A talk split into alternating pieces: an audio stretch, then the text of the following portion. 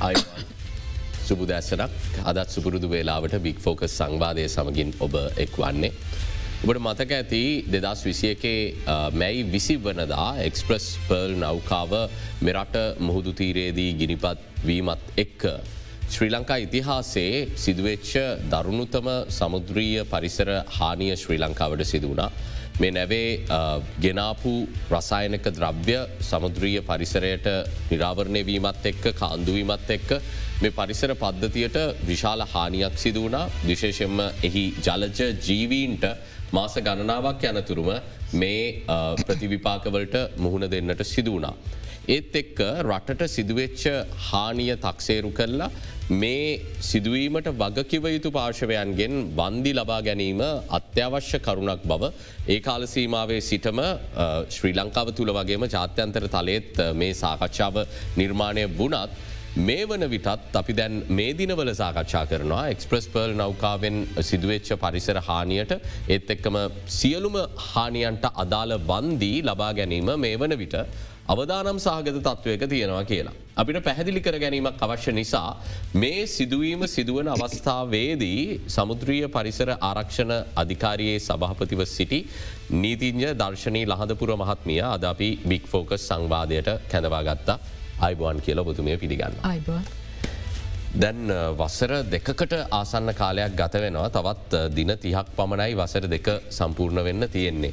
ඔබතුමීට පැහැදිලි කරන්න පුළුවන්ද හිටපු සභාපත්තුමිය? මේ සිදුවීම වාර්තා වෙච්ච අවස්ථාවේ සිට සමුද්‍රිය පරිසර ආරක්ෂණ අධිකාරය විදියට ගත්ත පියවර මොනවාද කියලා ක්‍රමක්‍රමයෙන් අපි එහෙම ප්‍රවේශ වෙලා මේක පැහැදිලි කරගෙන යමු. බොහම ස්තුති කලින්දු ඉස්තල්ලම ස්තුතිවන්තයනවා දෙරෙන අයතනයට මොකද මේක ගැන විධ මතිමතාන්තර යනවා.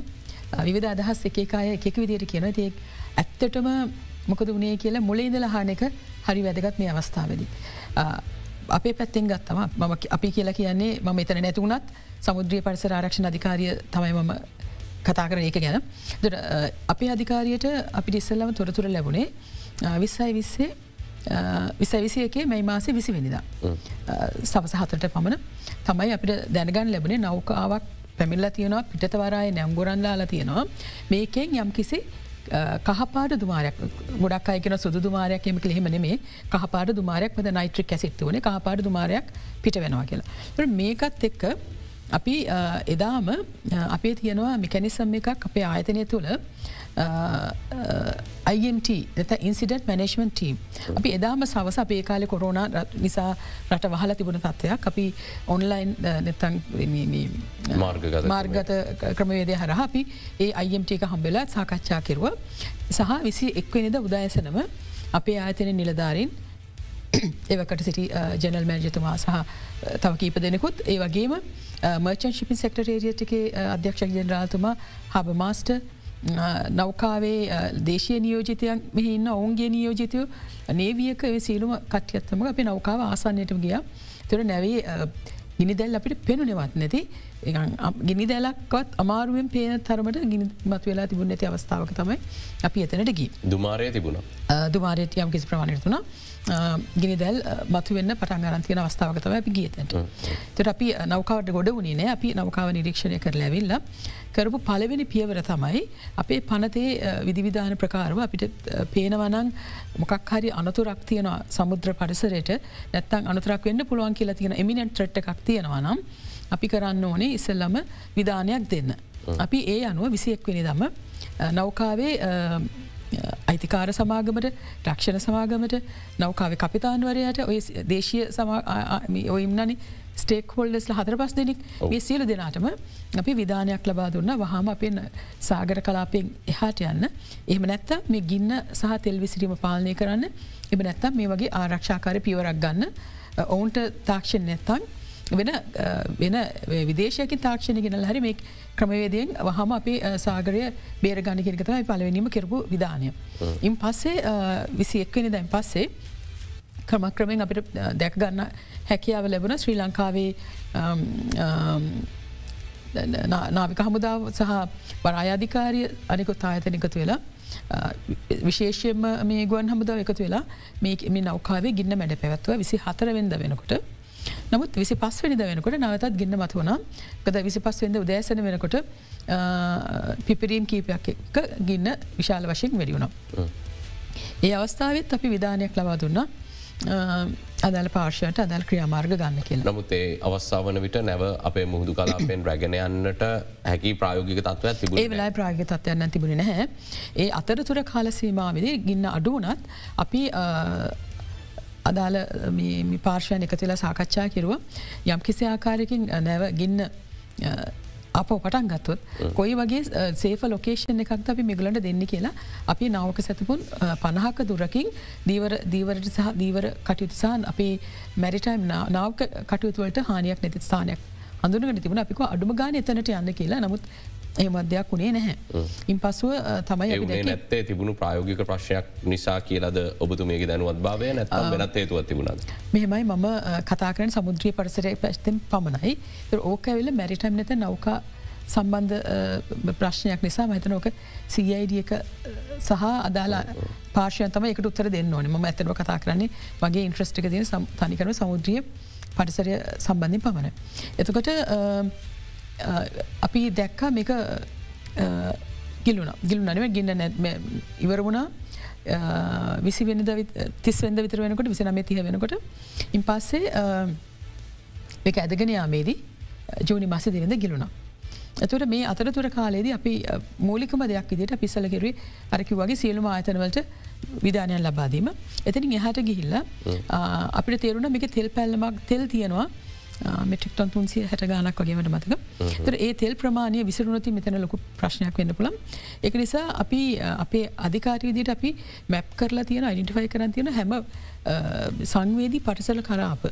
ඒ වගේම අපිට අපි තාක්ෂණය ගත්තා විදේශය සමාගමගේ ආයතනක අපිට මැප් කරන පුළොගන කොහෙට තෙල් පැල්ලම ගලාගෙන යන්න කියලා. තුර අපි ඒ තෙල් පැල්ලම් ගලාගෙනයන් යන්න පුළුවන්කම තිබුණේ මේ ගමුව කලාපයට තර ඒ එතන තියෙන සංවේදීම් පරිසරිතව මේ ගමුව කලපුව. තුර අපි ඒ බූම්ස් දාලා ඒ කලපුව ආවරණය කිරුව දැන් ඔබ ගත්තු ප්ලාස්ටික් පෙලට් අපි ඒක ගැන හිතුවෙන ඒවෙලා අපි දන්නෙත් නෑ.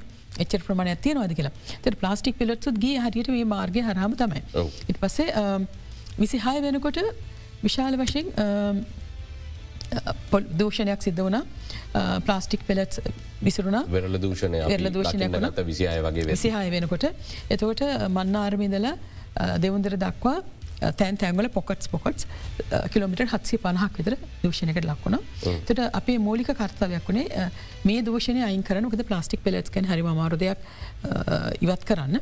එතකොට වෙනම අපිට සමුද්‍රිය පරිසරක්ෂණ අධිකාරි කරපු ක්‍රියාමාර්ග ගතුත් එක විට අපිට ක්‍රියාමාර්ග රාශයකට යනුන තෙල් තෙල් විසිරියම් පාලනය කරනක ගැන වෙනම බලන්න වන දූෂණය පරිසර දූෂණය නත කලීනක් කරනෙක් ගැන වෙනම් බලන්නුන පරිසරහානිය සම්බන්ධ විද්වත් කමිටුවත් එක සාකච්චය ඒකත් ඒවල් හැම කරන්නේ කරන්න වුණා ඒ වගේම සහනයිතික ක්‍රියාමාර නයිති ක්‍රියාමාර්ගන්නකත් මේ මේ සියල්ලම අපිට එකවර කරන්න වෙච්ච මේ අංශරාශයකට බෙදිල තමයි මට හිටිය ස්ටාෆක මට බෙදාගෙන ඉතාමත් පොඩි සංඛ්‍යාවකන දෙසිය තිහක් ඒකනුත් සියට ඇත්ත පහක් වේකන් තිබුණේ සීනිය මැනෙජ්මට එක.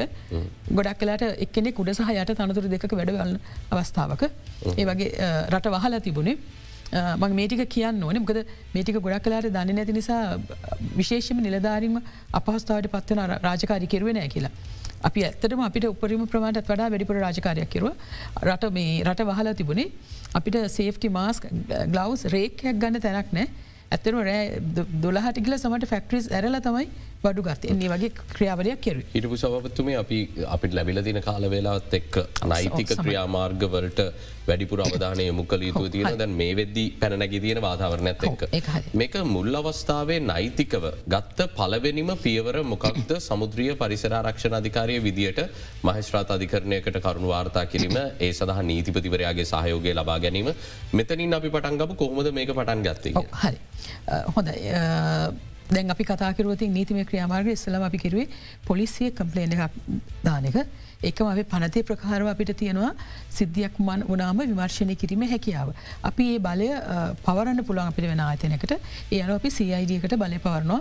මේ සම්බන්ධයෙන් සමස්ත විමර්ශණය සිද්ධ කරන්න කියලා. ඒකම අපි නීතිපත්තුමාට ඒවගේ ලිතුව දැනුම් දෙන නීතිපත දෙපාත්මෙන්තුවට මේ සම්බන්ධය නීතිම නීතිමය ක්‍රියාමාර්ග මෙහෙවන්නට කියන එක. තොට ඒ අනුව තමයි නීතිමේ ක්‍රියාමාර්ග ආරම්භ වෙන්නේ. ඒකම තමයි අපි අපේ නීතිම ක්‍රියාමාර්ගට වැදගත අනිත් සාධක තමයි එක්ස්පට් පැනල් එක. හෙම නැත්තං විදවත් කමිටුවක් හරහා පරිසර හානිය ගණන් කරන පටන් ගන්න. ඇතර අපේ ක්‍රියාවරිය පටන්ගත මේ මාසේ විසිහය වෙනිද වෙනකොට පලවෙනිට අපි විදවත් කමිටුව මුණ ගැහුණ? ඒ සාමාජිකෙන් කී දෙනෙක් පත් කරලද විද්වත් කමිටුව ආරම්භුණේ මැයි මාස විසිහය වෙනිද. මම විදත් කමිටුව පටන්ගත් ඉස්ලම නිවඩායමට එකට. එතකොට දහට දෙෙන හිටියේ. මට හරියටම ගානම් මතගෙන ගොඩක්ලට ඒ දහටක් විස්සක් අදර ප්‍රමාණයක් වෙන්න පුළ මුලින්ම හිටියේ. නවත් අපිට තේරුණා මේක අංශ රාශයකට බෙදිල යන සංකීර්ණය කියලා. සංකීර්ණයි. අනුකමිටු එකොළහකට බෙදුණා. තෙල් හා රසායනික දූෂණය වායදූෂණය විශාල හෙල්තන්සේට සෝෂල් කොනමික් ඉම්පෙක්් එක ඇක්වටෙක් රිසෝසස් බයඩයිවසිට මේ වගේ එතකොට ගොඩක් විසිර ලැගිහිල්ල තමයි හතලිහක් විතර ආසන්න හතලි එක්ස්පට් පැනල් එකක්. ට මේ පැනල් එකට උදව් කරන රිසර්ච් ටීම එකක් කිය තව ඊට විශාල ප්‍රමාණයක්. සහ අපිට විශාල ප්‍රමාණයක රසානාගාරවලට සම්බන්ධ වෙන්න වුණා කද ලංකාව අපි ගවමට ඇන්ලිස්ට් පටන්ගත්තම විශ්වවිද්‍යාල සහ පුද්ගලික විශ්ව රසානගාර වගේ විදේශ රසානගාල්වලටත් සාම්පලයවල පරීක්ෂා කරන්න වුණා. සාම්පල ලබාගත්ත ඒවල තොරතුර අපි ගාව තියෙනවා ඒකෙන් තමයි විද්වත් කමිටු වාර්තාව අපි සකස් කෙරුයි. මීට අදාළ අපරාධ නඩු කර්තව්‍ය කොහොමද පටන්ගත්ත කොළඹ මහිස්ත්‍රාත අධිකරනයට මහිතන වීවාර්තාවක් කරහා කරුණු වාර්තා කර. අපි ඒකට යොමුණ ඉස්සලම බීවාර්තාවක් කරා කරුණු වාර්තා කිරීම කෙරවා නීතිපති දෙපාර්ත්මේන්තුව. ඒ හරහා තමයි ඉන් පසුව ඔවුන් මහාධිකරණය නඩුවක් පැවරුවේ. මහධිකරණය නඩුවේ අධිචෝදනා පත්‍ර ගොුණු කෙරුවේ ගියවර්ද නොවැම්බර් මාසේ. අපරාධ නඩුව? ඒ අපරාධ නඩුව. එතකොට ඒ අපරාධ නඩුව ඉක්මන් කිරීමේ වැදගත්කමක් තියෙනවා. ගද අපේ පනතය ප්‍රතිපාදන ප්‍රකාරව අපිට පුළුවන්නන් නැවේ නිගලිජන් සෙවනත්තන් නැවේ නොසලකිල්ල ඔප්පු කරන්න අර තියෙනවා මේ වන්දිවල ලිමිටේෂන එක ඒ ලිමිටේෂන එකට එහා ගිහිල්ලා අපිට අපිට සාධාරණයක් කරගන්න පුළන් වන්දයක් ලබාගන්න සිවිල් නඩුවට අදාල කරගන්න පුල අපරාධ නඩුව තින්දුව. තින්දුවත්ව. ඉතින් දැනට මේ වෙලා තියෙන්නේ අපරාධ නඩුව මහිස්ත්‍රාත අදුකරන්නේ කරුණු වාර්තා කිරීම ඒක දිගින් දිගටම ගිය. නමුත් අධිචෝදන පත්‍ර ගුණ කිරීම සිද්ධ වනේ නීතිපත දෙපාර්ත්මෙන්තයෙන් කියවර්ද නොවම්බර් මස මට මතක විදි හරෙන. ඔබතුමගේ දැනුවත්වීමට අනුව මේ වෙද්දී අධිචෝදනා පත්‍ර ගොුණු කරලා තිබිය දීත් මේ නඩුවට සියලුම පාර්ශවකරුවන් සහභාගී කරව ගන්නට හැකියාව ලැබිල තියෙනවා නැත්තන් එතනත් ගැටලුවක් තියෙනවාද. දැන් තත්ත්වය මට කියන්න අමාරුයි මම ඉන්න කාලෙ වෙනකොට මේ නඩුවේ පාර්ශව කිහිප දෙනෙක්කාව නොත් අංහිතන මේකේ රක්ෂණ සමාගම සහ නැව හිමි සමාගම් පැත්තෙන් තිබ්බ සහයෝගය කෝමද නයිතික් කටයුතු සඳහා. මම හිතන්න අපරාධ නඩුවේදී නඩු චෝදනා ගොුණු කරලා තිබුණේ මූලිකවම කැප්ටන්ට මේක අධ්‍යක්ෂක මණ්ඩලයට සහ නෞකාව නියෝජනය කර මතන සහභාගි වුණා කියලම විශ්වාස කරනවා නීතිඥවරු. මේ සිවිල් නඩුව ප්‍රමාදවීම සම්බන්ධව තම මේ වෙදදි විශාල ප්‍රශ්නයක් තියෙන මොකද වන්දි ලබා ගැනීමට නම් මේ සිවිල් නඩුව ඉදිරිට ආයුතුයි. මේක ඇදිල ඇදිලා ගිහිල්ල මේ වෙද්දී ශ්‍රී ලංකාව තුළ නෙමෙයි සිංගපූරුවට ගිල්ල නඩු පවරනවා කියන ස්ථාවරයට නීතිපතිවරයා ප්‍රමුඛ මේ නඩුව මෙහවන පාශවය ඇවිල්ල ඉන්න. නමුදන් විශේෂඥයෙන් මේ ගැන විධ මත බල කරනවා ඇයි අපි ශ්‍රී ලංකාවෙන් එලියට ගිහිල්ල නඩු පවරන්න ඔබතුමේ සභාපති කාලෙත් මේ සාකච්ඡාව තිබුණාද කොහිටද මේක අධිකරන මේ බලය තියෙන්නේ වඩාත් සුදුසු අපේ රට තුළ අපේ අධිකරන පද්ධතිය නඩුවහනකද නැත්නම් ජාත්‍යන්තර අධිකරණයකට යනකද කියන සාකච්ඡාව ඔබතු මේ කාලෙත් තිබුණද. ඇතටම දැන් එහෙම සාකච්ඡාවත් තිබුන්න ඉස්සලම කියන්න ඕනේ. ලොකොට තිබුණ අවසාන කාලෙ තමයි එක මතුවනේ අපේ අදහසත වන එකඟතාවේ තිබුණේ අපි දැනුවත් වෙලා හිටිය විදියට අවබෝධ කරගත්ත විදියට මේ හැමදයකින්ම ලංකාව තුළ නඩුදාන් තමයි අපි සූදානම් වනේ අපි ඔය අපේ විසේසක් ඔක්කොම සිව වාර්තා සකස් කරව ලංකාවතුළ නඩුදාන්න. ද මූලිකවම අප පනති ප්‍රතිපාදන තියනවා. අප පනත වෙනව පරිච්චේදයක් තියනවා ක්‍රමිනල් අඩුවට ගැන පරාධ නඩුවට වගේම සිවිල් වන්දි ගන්න එක ගැන වෙනව නඩු කර ප්‍රතිපාදන තියෙනවා. ති ඒක නිසා අපි බලාපොරතුනේ ලංකාව තුළ නඩුදානවා කියන එක තමයි. අපි දැනගත්තේ වචරකින් හරි අපි ඇහුවේ පලවෙනි වතාවට ගියවුරුද්ධ අගෝස්තු මාසේතර තමයි වත්මන් අධිකර නැමතිතුමා සමග අපි තිබ පලවෙනි සාකච්ඡාවද තමයි මත වනේ සිංගප්පූරිය තමයි නඩුදානි කෙන ඒ අපිට දැනුවත් වෙලා තිබුණ නෑ. ඉන් පස්සේ කැබිනට තකට ඔබතුමේ සභාපතිතුමිය. අගොස්සු මාසගිය අවුරුද්ධ දැතොට දෙදස් විසියකේ මැයි මාස මේ අනතුර වෙලා එතනින් කොපමන කාලයක් ඔබතුමිය දුරෙන් ඉවත් වනකං දුරේ රැඳී හිටියද. මම හිටිය මේ අවුරුද්ධ පෙබරවාරි මාස මොලව හතර වෙද වෙනකම්. යනුව ඒ කාල සීමාව තුළ ගතවෙච්ච කාලය ගත්තොත් වසරකට වැඩි කාලයක් ඔබතුමිය ඉඳල තියෙන මේ සිදුවීම වෙලා. සිවිල් නඩුව එතරම් ප්‍රමාද වෙන්න තිබුණු හේතුමනවාද කෙලින් මහද්දී. සිවිල් නඩුව ප්‍රමාද වෙන්න තිබුණ හේතු මූලිකම ගත්තොත් අපේ පැත්තෙන් කරපදේ මට කියන්න පල එතකොට ඔබට පැහැදිල්වේ කාරණය අපි මූලිකවම පෙබර විස්සයි විසි එකේ දෙසැම්බර් මාසේ පළවෙනි අන්තර්වාර්තාව ලබා දුන්න ඔස්ට්‍රයාල් නීතින් සමාගමට. ඔස්ට්‍රේලයා නීතින් සමාගම කියන්නේ නීතිපතිතුමාට නීතිපති දෙපාර්තිමිතුර උපදෙස්ීමතවා සඳහා පත් කරගත්ත සමාගම. තුර එහිදී සමාන. එතකොට ඔවුන්ට නඩුකරයක් ඉනිශේට් කරන්න ඒකෙන් හැකියාව තිබෙන අවශනක් ගද අපේ පනතේ ප්‍රතිපාදන අනුව අපි නඩු පවරන්නෝනේ අනිවාර්යම නීතිපතිතුමා නීතිපති දෙපාර්තිමෙන්තුව හරහා. ඒක නිසා අපි පලවෙනි වාර්තාව ලබා දුන්න. පල නීතිපතිවරයා තම මේ ඔස්ට්‍රේලියයානු සමාගම උපදේශක සමාගමක් විදිර මේ නඩුවට පත් කරගත් පැදිලි. එතුවට අපි අපේ වාර්තාව අපි ඔවුන්ට ලබා දුන්නා. ඉන් පසුව ඒ වාර්තාවේ යම් කිසි නිරීක්ෂණ සහ අපි විදත් කමිටුවට ඕන මේක තමයි පලවෙනි අත්දැකීම. අපි අපිට අදැකම් තියෙන කෙනෙක් විදිර තමයි මේ ඔස්ට්‍රලයානු නීති නීතිඥවර අපි දැක්කේ. ඒක නිසා ඔහු ඇතිමයගෙන් අපි සාකච්ඡා කරම හිට මොනවද තව ඒකට එල්බෙන්න්නවන කමෙන්ස් කියලා. මන් දන්න තරමට මම යනකං වගේ ලොකුවට කමෙන් සාාවෙන අපිට අපි රිපෝට් දෙකක් යව පබ්ලික් රිපෝට් එකක් ඇත්තර ගැත ලොක රිපෝට් එක පබ්ලික් රිපෝට් එක කියන එක තේරුම සෙන්සිට ඉන්ෆේෂන් නඩුවට යනේවා අපිට රිවිල් කරන්න බැරිදිවලනතු පබ්ලික් එකට දෙන්න පුලන් සාමාන්‍ය ජෙන්ඩල් අයිඩිය එකක්. මොකද හැමෝම කෑගැහවා අපි මේකින් වාර්තාව කෙලිට දැමනැකි නමුත් සංවේදී නඩුවට සංවේදී ඉතාම් සංවේධකාරණ සහිතව වාර්තා දෙකක් විදිට ඉස්සරහට යන්න කියන එතුම අප උපදෙස්තුන්න ඇයට යොමු කළ. අපි යව රිපෝට්ගෙන් තම එතුම අප උපදෙසුන මේ වගේ දෙකට කඩල මේවා කරන්න. හැබයි ඒ දෙකෙන් ජෙනල් පබ්ලික්ලෙකට දාන වාර්තාව ගැන තමයි අපිට කමෙන්ස් ටිකක්ව නවත් ඒ කමෙන්ස් ගැන අපි නැවත්වතාවක් හනට අපිට ලොකු ෆීඩ්බැක් එකක් කාවන්න එක නඩුවට අදාලනෑ ඒක ප්‍රටට මොනවද කියන්න කියලා එතුමිය දීපුයවන් නමුත් අපිට නඩුවට සම්බන්ධයෙන් මංහිතන්නේ ලොකු කමෙන්ට් එකක් මේ අපි එතු මේ නිරන්තරයෙන්ම හම්බුනේ නමුත් කීපතාවක් හම්බුණ. විස්තරාත්මකෝ මට එහෙම කමෙන්ට එකක් කාව නෑ කියනක තමයි මට හිතෙන විදිට මට මතක දිර තියෙන එකන අවුරුදු කාමාරක් කාලයක් යනකම්ම එතුමියගේ නඩුවට අදාළව ඒ තරම් සාධනීය විදියට ප්‍රතිචාරයක් ලැබුණ නැද්ද? පත් කරගෙන හිටපු විශේෂඥ. මට හිතෙනවා හෙම ඉන් පසුව අපිට මේ අධිකර නැමතුමා ආවට පස්සේ අපිට කිව්වා ඒ පුද්ගලයා පත් කරලා තියෙන නීතිපති දෙපාර්ත්මිතුර උපදෙස් ගන්න විසක් අපිට උපදෙස් ගන්න එක එතන පොඩි පරස්පරයක් වුණා නමුත් මම මෙතන අවසාන වශයනුත් දෙපාරක් විතර හමු වන ඒ හමු එබදි අපි කතාකර වාර්තාව ගැන්නීම අපිට තිබුණ වේස්ට ඩිස්පෝසල් එකක් ගැන තව අපි කතා කර නමුත් මෙතන සමුද්‍රිය පරිසර ආරක්ෂණ අධිකාරය සහ නීතිපත් දෙපාර්තමේන්තුව අතර මේ නඩුවට අදාළව පරස්පරතා තිබුණද මතවාද තිබුණද පසුගේ කාලය ඔබතුමේ සභාපත්තුමේ දිද්දි. තිබුණ. ඒ මොන වගේ තැන් සම්බන්ධයන්දේ මතවා තිබුණ මොකද රට අහනව මේ වෙලාවේ. ඔව ඇත්තටම මේ මූලිකම මතවාද පටන් තිබුණා කියල මං හිතනවා අපි නිවඩයිමන්ඩ එක දිත් තිබුණා පැහැදිලුවම. අපිට පුළුවන්ගෙන නරුග පවරගන්න අන්තිම පැබාගය තුළ තමයි. අපිට මතකයි. එතකට ඉන් පසුව මේක ගත්තම අපිට ගොඩක් කලාට සිද්ධ මේ කාරණාවලදී නොගල පෙන තැන් තිබුණා.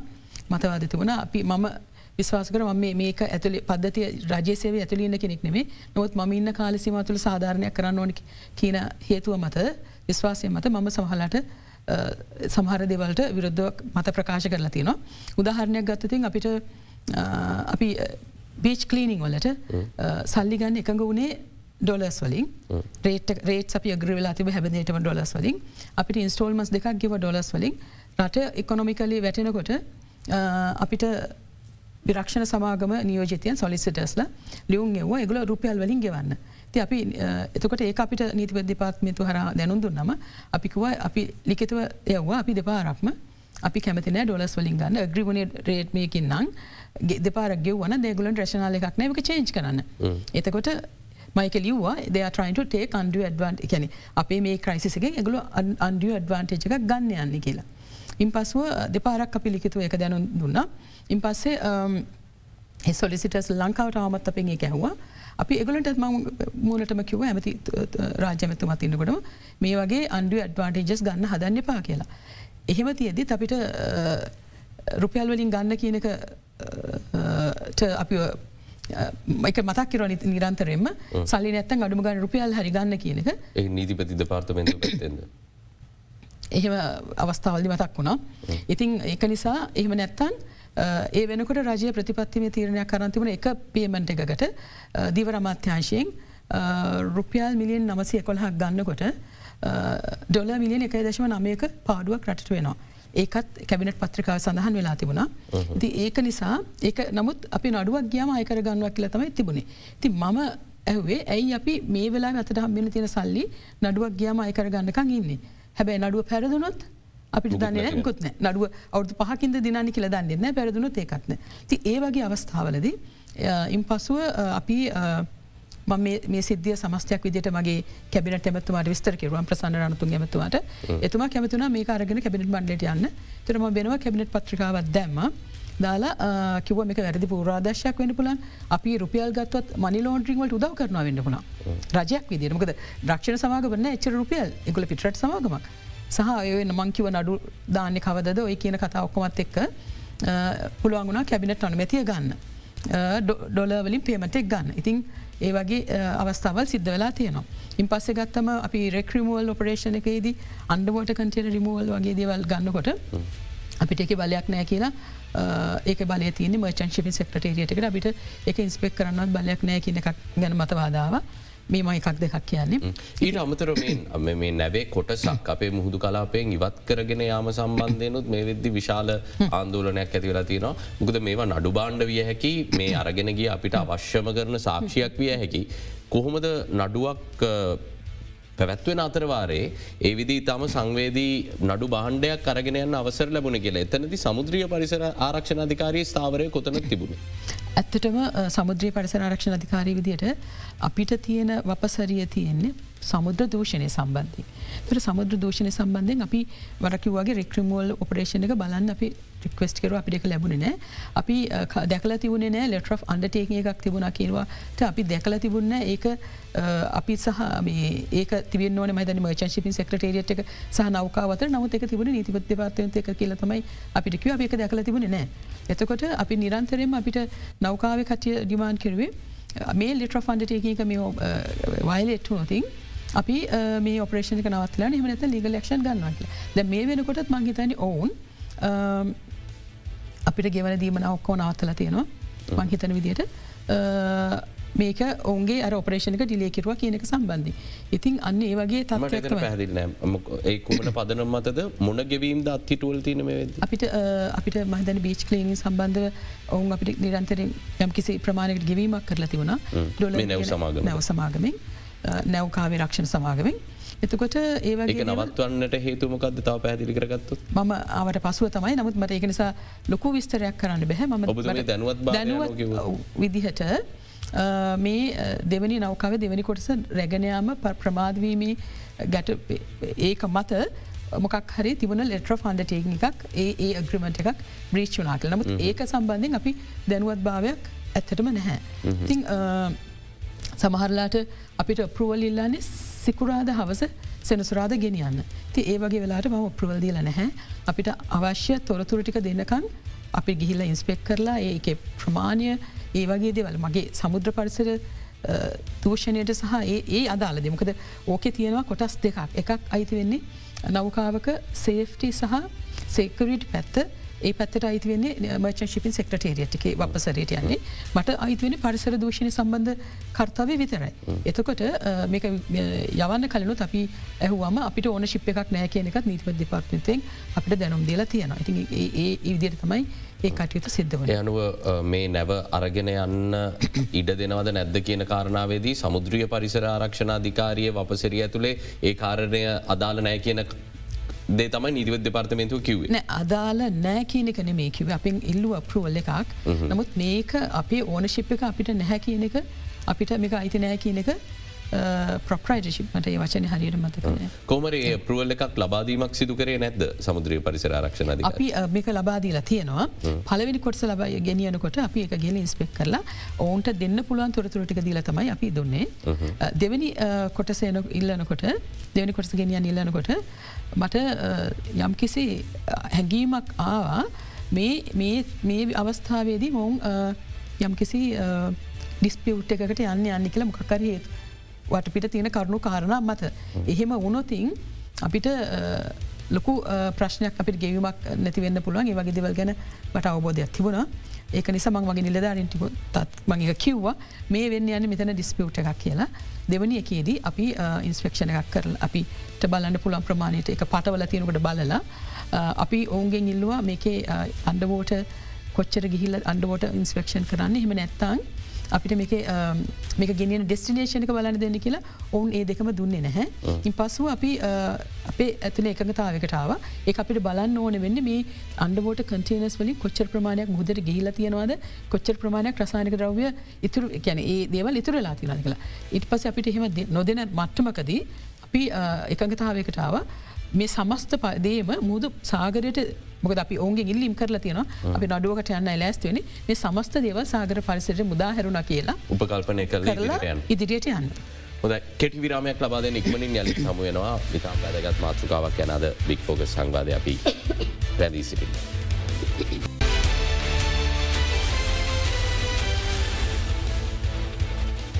සමුද්‍රිය පරිසර ආරක්ෂණ අධිකාරී හිටපු සභාපති නීතිං්ඥ දර්ශනී ලහදපුර මහත්මියත් එක් අපි සාකච්ඡා කරන්නේ අද එක්ස්ප්‍රස් පර්ල් නෞකාවේ වන්දි ලබා ගැනීම අවදානම් සහගත තත්ත්වයක තියෙනවා කියන මාතෘකාව. ඒ සංවාදය මේ වන විට සමාජය නිර්මාණය වෙලා තිය නිසා ඊට අදාළ කරුණු සම්බන්ධයෙන් අපි ඇව ප්‍රශ්න කරමින් සිරින්නේ.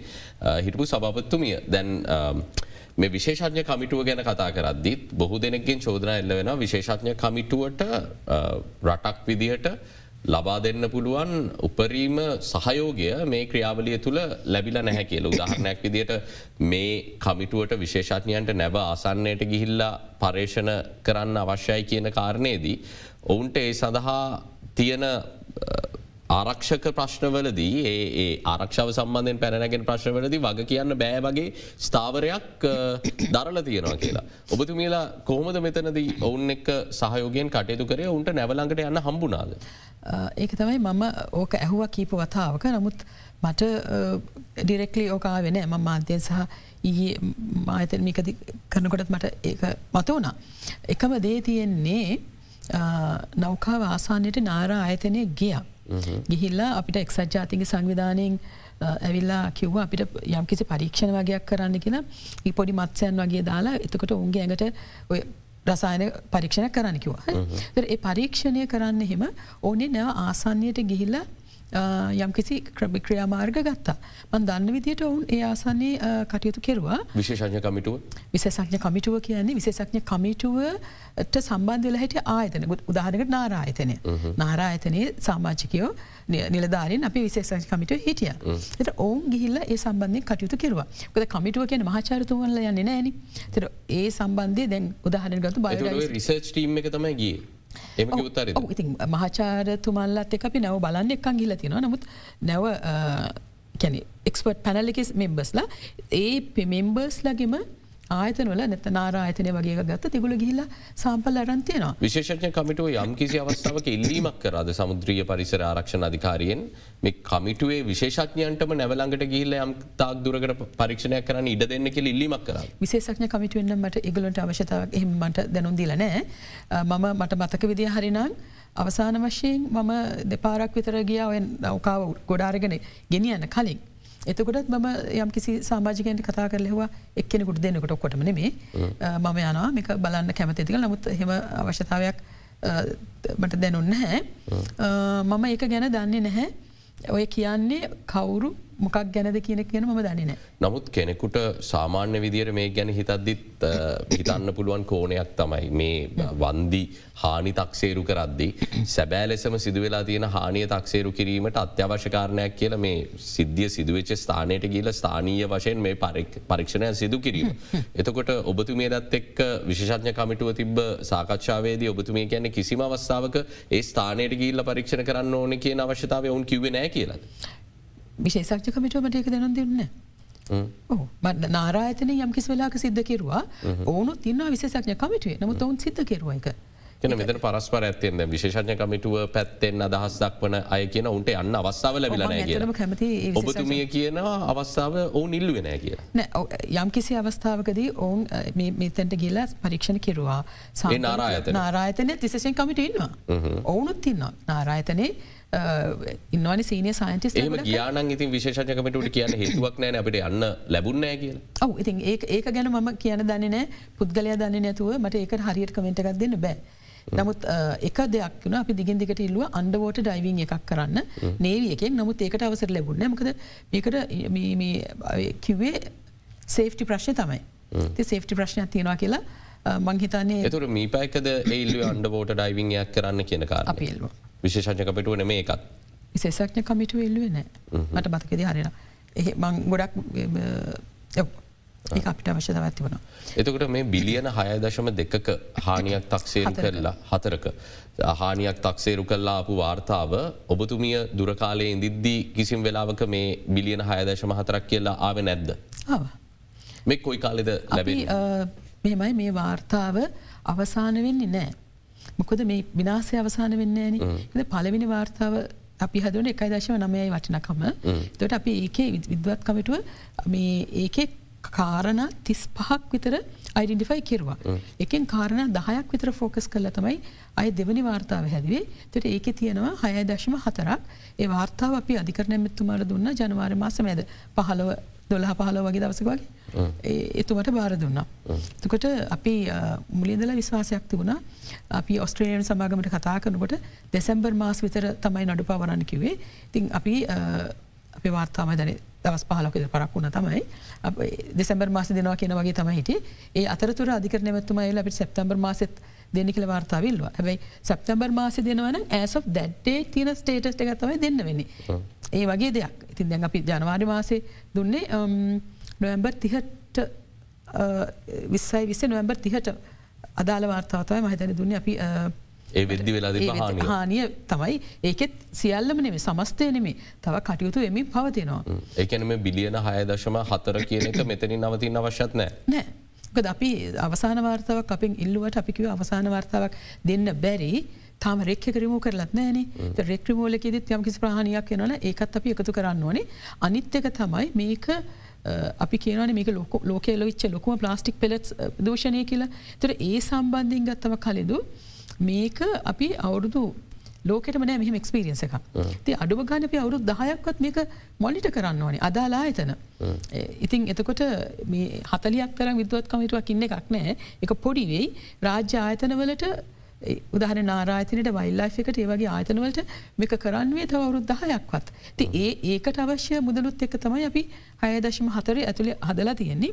ඒ වගේම විනාශවෙච්ච සත්තු කැස් බෑවෝ වගේ සතුන් ප්‍රතිෂ්ඨාපනය කරන්න අපි දන්න හැචරි කරදාලා විතර දාහකි එක කැස් බෑවක් නගෙන්නේ වැඩ හොඳ වැඩුණු කැස් බෑවක් නම් තුර කොච්චර කොස්ටක් යනවාද මේ හාරසිය ගාන මැරුණ ඒ වගේ පස්කුණයක්වත් මැරල තින හාරසිය ගානක මලසිරු ගොඩ ගහල තියෙන ගොඩ ගහල තිනන ති ඒ වගේ වාර්තාවක් තම අපි හදලා තියන්නේ මේක අවසානයක් කියල එකක් ඒ ඉස්සරහට දැම් නෙමේ කෙටි විරාමයක් ලබා දෙන විරාමෙන් පසුව හමුව.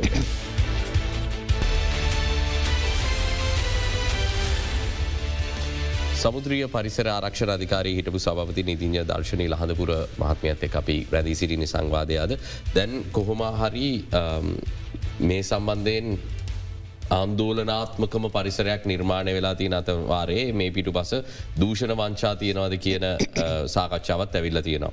මොකද අධිකරන අමාත්‍යතුමාම මීට දින දෙකට පෙර කියන ඔහුට දැනගන්න ලැබුණ කියලා. අමරිකානු ඩොල මිලියන දෙසිය පණහක් පොඩිගානනේ අමරිකාන් ඩොල මිලියන දෙසිය පණහක් සිංහල නමක් තියෙන කෙනෙක්ගේ යුකේ තියෙන ගිනුමකට බැරවෙලා තියෙනවා කියලා තමන්ට තොරතුරක් ලැබුණ ඒ ගැන විමර්ශණ පටන් ගන්න කියලා කියල තියෙන්නේ කියලා. ඔබතුමියගේ කාලේ දුර කාලය තුළ ඔබතුමියට දැනුනද කවුරු හරි මේ යාන්ත්‍රණයට සම්බන්ධයලා ඉන්න රාජ්‍ය නිලධාරයෙක්කෝ කිසිවෙක්. මේක යට ගහන්නට ඒ විදියට අයතා ගණු දෙනුවකට යන්නට සූදානමක් තියෙනවා කියලා අවංකවම කතා කරන්න. ඔව ඇත්තටම අවංකම කතා කරදදි මට කතා කරනල මගේ ආයතනය ගැන මුලිකෝම මම දන්නවා මම කිසි වෙලාක වැරදක් කරලත්නෑ වැරදක්න ඉඩදීලත් නෑ මගේ ආයතනය තුළ හැබැයි අයතා ගණු දෙනුවක් වෙනවනම් ඒක වෙන්නේ අපිට දැනුවත් වනමේනි අධිකරනමතුවාට හොඳලාට තොරතුර ලැබුණ. ඒක නිසා අපිට එක දැනුවත් භාවයක් නැහැ. එහෙම කෙනෙක් සමට ආයන තුළ වෙන්නත් පුල පිට වෙන්නත් පුල ති ම ගොඩක් විශවාසයක් තියන මගේ ආයන තුළ හෙම දෙයක් වන්න ඉඩ කඩ අඩුව කියන එක. ඉතිං මම ඇත්තටම කැමති අධිකරනතුම අධිකරනමතු මගින් ඉල්ලන්න පුළුවන්න මේක වංචහා දූෂණ වර්ශණ කොමිසවට දාලා ඉක්වනට නඩුව හරි මොකක් හරි ඔය මේ පුද්ගලයාව වැරදිකාරව එලියට අරගෙන ඔහුට ගන්න ඔහු ඇයට ගන්න ක්‍රියාමාර්ගික්මට ගන්න කළමකද මේක ලයිම් ලයිටිකට ඇවිල්ල අරපයම මාසයක තියෙන මේ ප්‍රස්ක්‍රයිබ් ප්‍රස්ක්‍රපෂණ එක කාලාවරෝධය. වෙ නොවෙන්නට අපි ඒක ගැනතමයි මුලි අවධානය දෙනුන හැබැයි මේකට ඉක්මට ක්‍රියාමාර්ග ගන්න කියලම ඉල්ල හිත්ම තොරතුර හම්බෙලා තියෙනවනම් එකවුන් නොම්බරයක් තියෙනවනම් නම තියෙනවනම් මහිතන එක හරිිය ලෙස් ඉක්මට කරට අදාළ රක්ෂණ සමාගමය නියෝජිතයින් අපි සමහරලාට වෙරල පිරිසිදු කිරීමේ කටයුතුවලදී ඒ ස්ථානවලට ඇවිල්ල හිටිය ඒත්තකම ලංකාව තුළ මේ රක්ෂණ සමාගම නියෝජිතීන් ලංකාව හෝටල්වල නැවතිලා බොහෝ කාලයක් හිටිය කියල මේ වෙද්දී තොරතුරු තියෙන. ඔබ එහෙම හමු වෙලා තියෙන රක්ෂණ සමාගමය නියෝජිතී. අනිවාරය. මං විතරක් නෙමේ මන හේතුවකටද අපිට පැහදිලිකර රක්ෂණ සමාගම නියෝජිතයෙන් කියලා අපි මේ කියන්නේ අයිටෝ් කියන. International tanker owners pollution federation කියන එන්ජෝ එකක් වගේ. මේක ඇත්තම නෞකාවල නෞකාවලින් ලැබෙන ෆන්ඩ එකකින් තමයි ඒ එන්ජෝ එක පැවතෙන්නේ. එතකොට මොවුන් සාමාන්‍යෙන් තෙල් පැල්ලමක් විසරුනාම ඔවුන් එනවා යාතනය ඒ රටට. දැන් මේ අවස්ථාව දෙබට තෙල් පැල්මක් අවධානමක් වගේම තෙල් විසිරීමක් වගේ ප්ලාස්ටික් නඩ විසිරීමක් තමයි සිද්ධ වනේ ම දන්න විදිට මේ අයිට් කියෙන ආයතනය ඔය දකුණ අප්‍රිකාය වගේ ප්ලාස්ටික් නඩල්ස් පිල්ල එකකිදෙත් ඔවුන් එකට ගීල මැදිහත්වෙලා තියෙනවා. ඔවුන් එන්නේ අපි මතක තියාගන්න ඕනතමයි ඔවුන් එන්නේ රක්ෂණ සමාගම ඔවුන් කියන්නේ අපි හරම ඉන්පාශල් අපි මැදේ දෙගෙන දෙපැත්තටම උපදෙස් දෙෙනවා කියලා. හැබැයි අපි ඔල්විතියාගන්නන ඔවුන් එන්නේ මේ රක්ෂණ සමාගම නියෝජනය කරගෙන. දැන්වාහනයක් පැත්තට වැඩ කරන්න. නැවපැත් අනිවාරෙන් ඒ අනිවාරෙන් අපේ කොලි තියාගෙන වැඩ කරන්න සාමාන්‍ය බුද්ධියක් සාමාන්‍ය බුද්ධයක්. අපි දන්න වාහනයක් ඇප්පුනාම වාහනයට රක්ෂණ සභාගෙන් ඒක බලන්න එන කෙනා එන්නේ අපි අපිව රෙප්‍රසන් කරන්න නෙමේ. එන්නේ රක්ෂණ සභාගමට උපරිම සාධාරණයක් කරන්න අපෙත් වැඩේ කරන ගම. ති ඒක නිසා අබං හම්බෙලා තියෙන මම විතරක් නෙමේ ඔවුන් මහිතන්නේ අපි මේ සමස්ත ක්‍රියාවලිය තුළ තිෙන සියලු මාතන ඔවුන් හම්බෙලා තියෙනවා. එක දැනුවත් සහ අධිකර නැවත්තුමා නීතිපතිතුමා ඒ සියලු දෙන දැනුවත් නීතිපති දෙපාර්ත්වෙන්තු දැනුවත් තමයි මේ කටයුතු සිද්ධ වනේ. මූලිකව අපේ මැදිහත්වීම තිබුණේ ඔවුන් එක ඔවුන් අපි බේච් කලීනිින් කියන කර්තාව සිද්ධ කරනකොට මේ කර්තාව සිද්ධ කරන්න ඔවුන්ට කලින් අත්දැකීම් තියෙනවා. ඒක නිසා යම් කිසි වෙරලවල පරිසර පද්ධතියට අනුව ගැලපෙන්න්න මේක අපි සයිස් සෙපරේෂණ එකද ඩෙන්සිටිද මෙකනිකල් කලීනිින් කරනවද මැනුවල් කලීනිින් කරනවද මේ වගේ අපිට ඒක ඇත්තරම විද්‍යාත්මක ක්‍රමවේදකට හැම බීච්චකෙන් බීච්චකටම වෙනම ප්ලෑන් එකක් හදල ඒ බීච් කලීනිින් වලද අපි ඔවුන්ගේ උපදෙස් ගත්තා සහය ගත්තා. අපි ඔවුන්ගේ උපදෙස් මතය පුන්න අපිට අවශ්‍යලට අපි අපේ දේවල් අපි කරගෙන තියෙනවා. එතොට මේ කර්තාවය තුළද අපි එකඟ වෙලා තියෙන ඔවුන් එක යම් කිසි දීමනාවල් අපිට රටට ලබාගන්න මංහිතන ඒ රේටස් මංහිතන් ඒ වදන්නවා දැනට කොහමද අප එකගොලා තියෙන කියනක අදාලා ආයතන තින් ඒකෙන් මහිතනෑ රටට හානියක් සිද්ධ වනා කියලා. දැන් ඔබතුමේ කියන විදියට ඔබතුමේ මේ අවුරුද්ධ පෙබරවාරි මාසේ දුරේ නිවත් වෙන අවස්ථාව වන තෙක්ම සිංගප්පූරුවේ නඩු පැවරීමක් සම්බන්ධයෙන් එකඟතාවයක් නොතිබී. දැන් එකවරම මේ සිංගප්පූරුවට යන්න හේතුවක් කාවේ කොහොමද කියන කාරණාව ගැන ඔබතුමීට දැනුවත් භාවයක් තියෙනවාද. එතනම පොඩක් වෙනස් කරන්න. මම ගියවුරුද්දේ මැද අගහරිය වෙනකොට අපි දැනගත්තා. ඉන් පස ගියවුරුද අග වෙනකොට මේ සම්බන්ධින් කැබිනට් පත්‍රිකාවක් ඉදිරිපත් කරවා අධිකර නමාත්‍යංශයෙන් ඔබතුමිය එහෙම දන්නව නං ඔබතුමීට හේතු තියෙන් ඕනේ ඔවන් මොනාද කියපු හේතු ඇයි අපි සභාපත්තුමිය සිංගපුරට යන්න ඕනේ ඒ වෙලා නීතිවත් දෙපාර්තමේන්තුව හෝ ඒ යෝජනා කරපු පාර්ශව මොන තර්කය මතද කිව්වේ අපි සිංගප්පුරුවට යන්න ඕන කිය. ඔවුන් ඇතරම කිවේ සිංගප ඔන්ගේ කැමිනිට පත්‍රිකාය මට මතක හැටියට තිබන මං හිතන්නේ නඩු කටයුතු පහසුව සඳහා කියනක වගේ කර්තාව කාරණාවත් තමයි. නමුත් අපෙන් ඒක ගැන කැබිනට මන්ලේ අපෙන් විමර්ශණ නිරීක්ෂණ ඉල්ලනකොට අපි පැහැදිලුම කිව්වා මේක ශ්‍රී ලංකාව තුළ කටයුතුවල පහසුව කිව්වට මම මේ විමසන්නේ මේ සම්බන්ධයෙන් අදහස් පල කරන සිවිල් සංවිධාන නියෝජිතය ඇතුළ බොහෝ දෙනෙක් නගන තර්කවලට ඔබතුමියගෙන් පිළිතුරු ගන්නවන් නිසා. සාමාන්‍යෙන් ශ්‍රී ලංකාව තුළ නඩුකටයුත්තක හැර වෙනත් රටක නඩුකටයුත්තකට ඇද්දී ඒ රටේ නීතිඥ සහයෝගය ලබා ගන්නට සිද්ධයනවා. එතකට රජයේ නිලධහරින්ට ගිහිල්ල ඒ රටවල් වල නවාතැන්ගෙන මේ නඩුකටයුතුවලට සභාගි වෙන්න සිද්ධ වෙනවා. ඒ සඳහා විදේශ විනිමයක් වැෑවෙනවා. නඩු කටයුතු තුවල පහසු භාවය කියන කාරණාව ගැන ප්‍රශ්නයක් ඇතිවන ඇතන ඒ ප්‍රශ්න බතුම මතු කර නැද. පැහැදිලුවම් ඇතරම දැන් අපිට එතනද කියලා තිබුණ ඩොල ම කැබිනට පත්‍රික හයන ඩොල මිලියන හතරය දශම පහක් නායකට ගන්නවා කියලා විදේශය සමාගමකි. ඒ සම ඒ සඳහත් ඔවුන් කටයුතු කරලා තිබුණා. ඉතින් එතකොට අපි කිවේ ඇත්තටම ලංකාව අපි විද්වත් කමිටුවත් ලංකාව ඉන්නේ නම් අපිත් මේක විශේෂයම මූලික දේ තමයි මේක සිද්ධ වනේ අපේ ටෙරිටෝරියල් වෝටස් වල.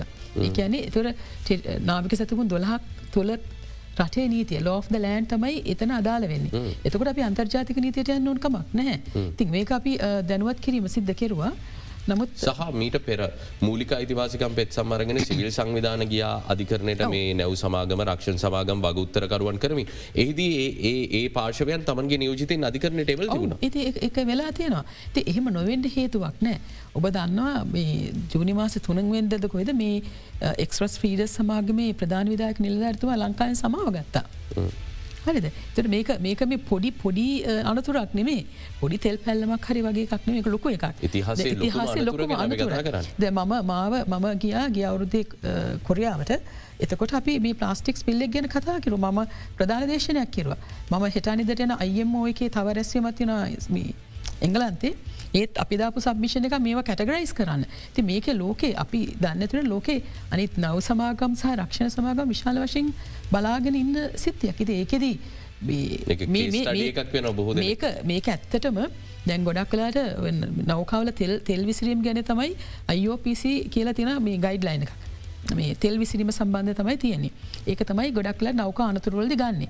හැබැයි අපි අපි ඔස්ට්‍රේලයාන නීති සමාගමටත්වේ මේක මේක ප්ලාස්ටික්ස් පිල්ල එකක් විදිර මේක නීතිය තමයි මේක නඩු තීන්දුව තමයි සරහට නීතියක් වෙන්නේ. මේක පූර්වාදර්ශයක් යන ලෝක හැමෝම් බලාගෙන ඇති ඒ වගේ වෙලාවක රක්ෂණ සමාගම සහ එක්ස්ප්‍රස් ෆීඩ සමහර්කන මේ සමාගම නෑ කියලා. ඒ සමාගම තියෙනවා තාම. ඒ සමාගම ගිය අවුද්ධ මහිතන උන්ගේ පනස් වෙන සංවත්සර සැමරුව ලෝක දාහත්වනි විශාලම ෆීඩ කොම්පනි විදිහට සිංගපපුර තියෙන්නේ. තර ඔවුන් මේකට එන්නැතිවන්න ඔවුන්ගේ කීර්තිනාමය කවදාත් එන්නැතිවන්නේ නෑ. මේක තව දින තිහක් තුළ නඩු පවරන්න ඕනේ නැත්තම් කාලාවරෝධයේ ප්‍රශ්නයක් වෙලා නඩුව අපිට ඉතාම අවාසි සහගත තැනකට යනවා. ඔබතු මේ විශ්වාස කරනද මේ තියෙන තත්ව ඇත්තක තව දින තිහක් තුළ සිංගපුරු අධිකරණය එක නඩු පවරන්න පුළුවන් කිය. මම දන්න තරමට අපිට අන්තර්ජාතික වෙනවන අවුරුත් තුනක් කාලයක් තියෙනවා. අවසාන වශයෙන්. එතකොට සිද්ධිය සිට. දේශය නඩු පවරනවා නම් අවුරුද් දෙකයි. ඉතින් වැඩේ තියෙන්නේ අපි අන්තර්ජාතිකව නඩු පවරන්න ගිහිල්ලා අන්තර්ජාතික නඩු පවරන්න ගිහිල්ලා අපේ නඩුවට අගති අක්ුණොත් අපිට අප වෙල ලංකා නඩු පවරන්න බෑ. හැබ අපි ලංකාව නඩු පවරලා මේකේ අපීල් එකක්. අපිට යනවන අපි තවතැනකට යන්න ඉඩකට තියෙනවා. අපිල් එකකට යන්න ඉඩකට ති මට හිතාගන්න බෑ ඒකම ඊයම සභාගච්ච සාකච්ඡාවදික කියවුණ. මේ රක්ෂණ සමාගම හෝ නෞකා සමාගම එක ගැනම දන්නේ නෑ ස්ටර්ලින් පවන්් මිලියන දහනමයක ලිමිටේෂන එක කරනතිනවා කියලා. රව ලිමිටේෂන ලයිබිල්ටි කියන එකට ඒ සිංගප්පුරුව අත්සං කල තියෙනවා නං අපිට අපි නඩුවට ගියෝතින් අපිට ඒ ලිමිටේෂන එකත් බලපාන්න. වෙන්නවා කියන එක ගැනත් එක ම හරියට නොදන්න කාරණයක් ම මේ කියන්නේ මේ එකම තවදුරටත් හොයන්න ඕන. මොකද මම එ ගැන දැනුවත් නෑ. සඳහන් වීවා කොනා ඒදී. හොඳයි. අද අපි අරමුණ බවට පත්වනේ මේ තියෙන තත්ත්වය සම්බන්ධයෙන් සමාජයේ තියෙන ප්‍රශ්න එතුමියට යොමු කරන්න. ඔබතුමිය මේ වන විට දුරය නොදැරුවත් ඒ සඳහා අපිට ලබාදවුණු අවස්ථාවට සූතිවන්තයන මොකද මේක ඔබතුමිය කිව්වාගේම සුළුපටු සිදුවීමක් නෙමෙයි. ශ්‍රී ලංකාවට වෙච්ච දැවන්තම පරිසර හානිය ගැන අපි කතා කරන්න ලෝක ඉතිහාසය වෙච්ච දරුණුතම පරිසර හානිය විදිට බොහෝ දෙනෙක් මේ එක්ස්ප්‍රස්පර්ල් සිදුවීම හඳුනාගන්න. අපි රටක් විදියට මෙවැනි හානියක් රටට උනාට පස්සේ කටයුතු කරන්නේ මේ මතවාද මේ පරස්පර එක්ක කඹෑදිලිත් එක්ක නම් රටක් විදිට අපි මේ කතා කරන දියුණුව කවදා අත්පත් කරගන්නද කියෙන ප්‍රශ්නය මතුවෙන් නිසා තමයි මේ සංවාධයට අදාළව ඇයගෙනුත් ප්‍රශ්න කරන්න අපි තීරණය කළේ. ඉදිරියට තව පාර්ශව කීපයක් ඉන්න මේ සම්බන්ධයෙන් කරුණු පැදිලි කරගන්න ඔනුත් සම්බන්ධ කරගන්නට අපි සූදන්ම ඉන්න. විශේෂම මේ වන විට සභාපති දුරේ ධරණ පිරිස ඒ වගකින් ධරණ පිරිසත් සම්බන්ධ කරගන්න දින කීපයක් තිස්සේ අපි උත්සා කරමින් ඉන්නා මේ වෙද්දි. බිල්ම සූති ඔබතුමියට එත් එක්කා ද අපි සංවාධයෙන් සමුගන්න හෙටත් සුපුරුදු වේලාවට වැදගත් මාතෘකාවක් එක්ක ඔබ හමුවීමේ බලාපොරොත්තුවෙන් සුපතිලා.